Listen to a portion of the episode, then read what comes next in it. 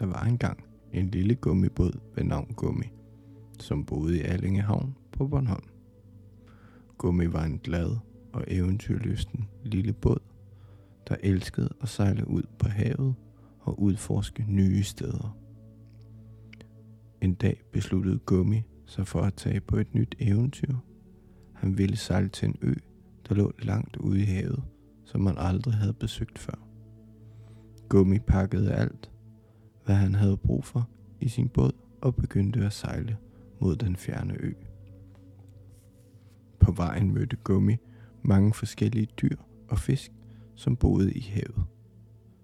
Han mødte en flok nysgerrige sæler, der legede i vandet omkring ham, og en lille blæksprutte, der gemte sig i sin hule på havets bund. Efter lang tid på havet nåede Gummi endelig frem til den fjerne ø. Her opdagede han en smuk lagune, hvor han kunne svømme og lege i det klare vand. Han mødte også nogle venlige dyr, der boede på øen, som en familie sjove aber og en klog gammel papegøje. Efter nogle dage på den fjerne ø, besluttede Gummi sig for at vende tilbage til Allingehavn.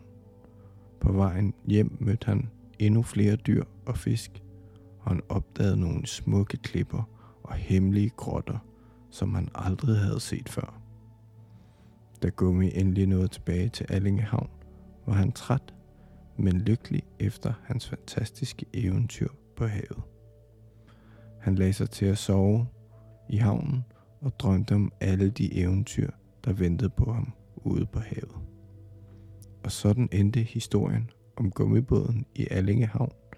En eventyrlysten lille båd, der altid var klar på at udforske nye steder og møde nye venner på sin vej. Sov godt og godnat.